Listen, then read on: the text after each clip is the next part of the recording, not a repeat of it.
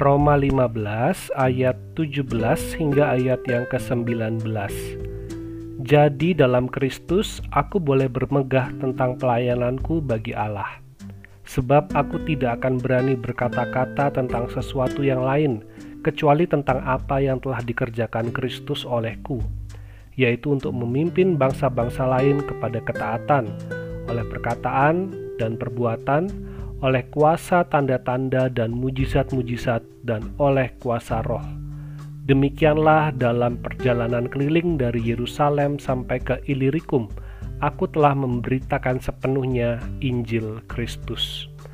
Hari ini saya mengajak kita untuk merenungkan kembali mengenai pelayanan kita, tentang apa yang kita kerjakan sebagai ekspresi ketaatan kita, sebagai wujud syukur kita, dan sebagai tindakan nyata kita untuk mengasihi Allah. Melayani mempunyai makna yang dalam, bukan sekedar aktivitas atau kata kerja, tetapi di dalam melayani ada makna untuk menundukkan diri atau merendahkan diri, mengambil posisi lebih rendah dari yang lain. Melayani juga punya arti menolong orang lain, bahkan rela berkorban bagi orang lain. Setiap orang memiliki pelayanan yang berbeda-beda seturut dengan kasih karunia Tuhan. Dalam bagian yang kita baca hari ini, Paulus menuliskan prinsip-prinsip penting untuk kita pegang dan kita pelihara di dalam pelayanan kita, di dalam kita melayani. Pertama, pelayanan itu harus dimulai di dalam Kristus. Kita benar-benar bisa melayani karena pelayanannya Kristus. Kristuslah yang terlebih dahulu melayani dan memberikan diri bagi penebusan manusia berdosa. Kristus yang terlebih dahulu melayani untuk kita, sehingga kita, ketika kita mengingat akan kasih Kristus, akan pelayanan Kristus, inilah yang menggerakkan kita untuk melayani Tuhan. Kalau kita melakukan ketaatan keagamaan karena kita takut berdosa atau lain sebagainya, atau mungkin karena disuruh oleh orang tua, oleh rohaniawan, karena diajak teman, atau karena hal-hal yang lain yang bukan Kristus, itu bukanlah pelayanan.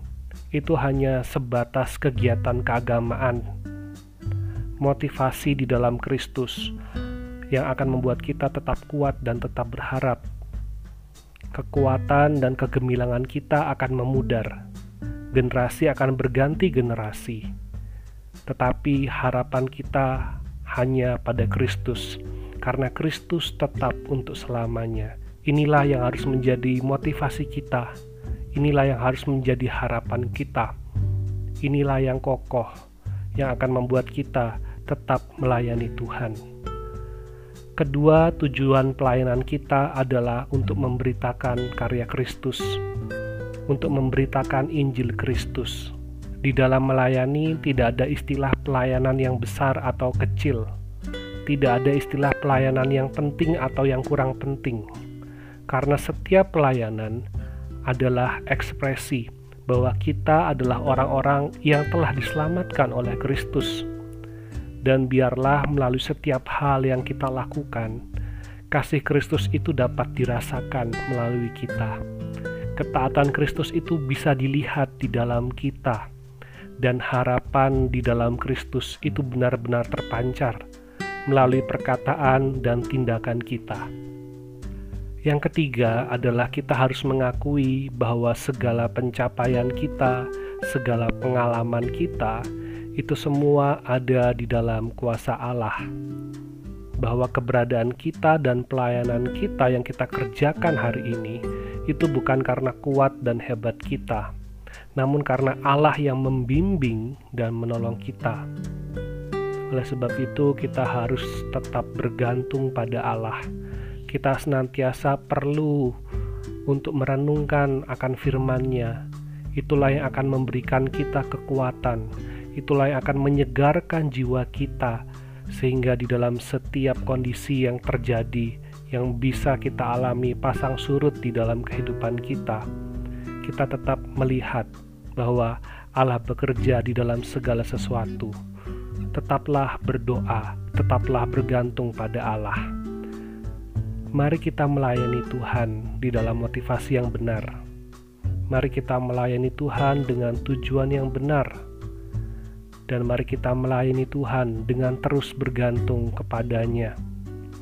Kiranya melalui hidup kita, Injil Kristus itu dapat disampaikan kepada banyak orang melalui perkataan-perkataan kita sehari-hari, melalui tindakan-tindakan kecil kita, melalui aktivitas-aktivitas keagamaan yang kita lakukan. Biarlah itu merupakan satu pengabdian kita pada Allah. Biarlah itu memberitakan Injil Allah dan biarlah itu memuliakan nama Tuhan. Selamat menjalani hari, selamat melayani. Tuhan Yesus memberkati.